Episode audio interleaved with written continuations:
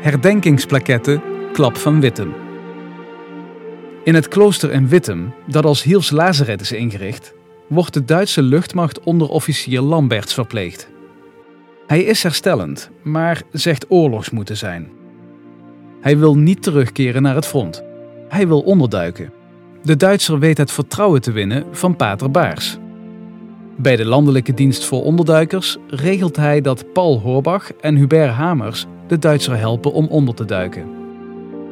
Schenk Bischoff is bereid de auto te rijden waarmee Lamberts wordt vervoerd naar Vaals. Op het afgesproken uur treft Paul Horbach de Duitser en gaat naar een veldweg tussen Partij en Mechelen, waar de auto wacht. Dezelfde weg die je nu ziet aan de overkant van waar je staat.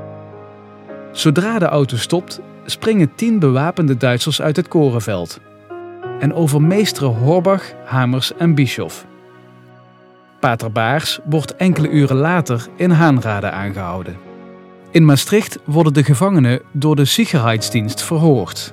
De Duitsers blijken goed op de hoogte te zijn van de acties van de verzetsgroep, maar de gevangenen blijven alles ontkennen.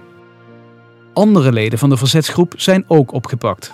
De ondergedoken districtsleider Shen Koenen en Joep Francotte uit Vaals worden op 5 september 1944 op de Kouberg in Valkenburg gefusilleerd.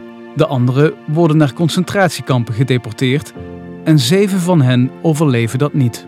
Hun namen staan op deze herdenkingsplaketten.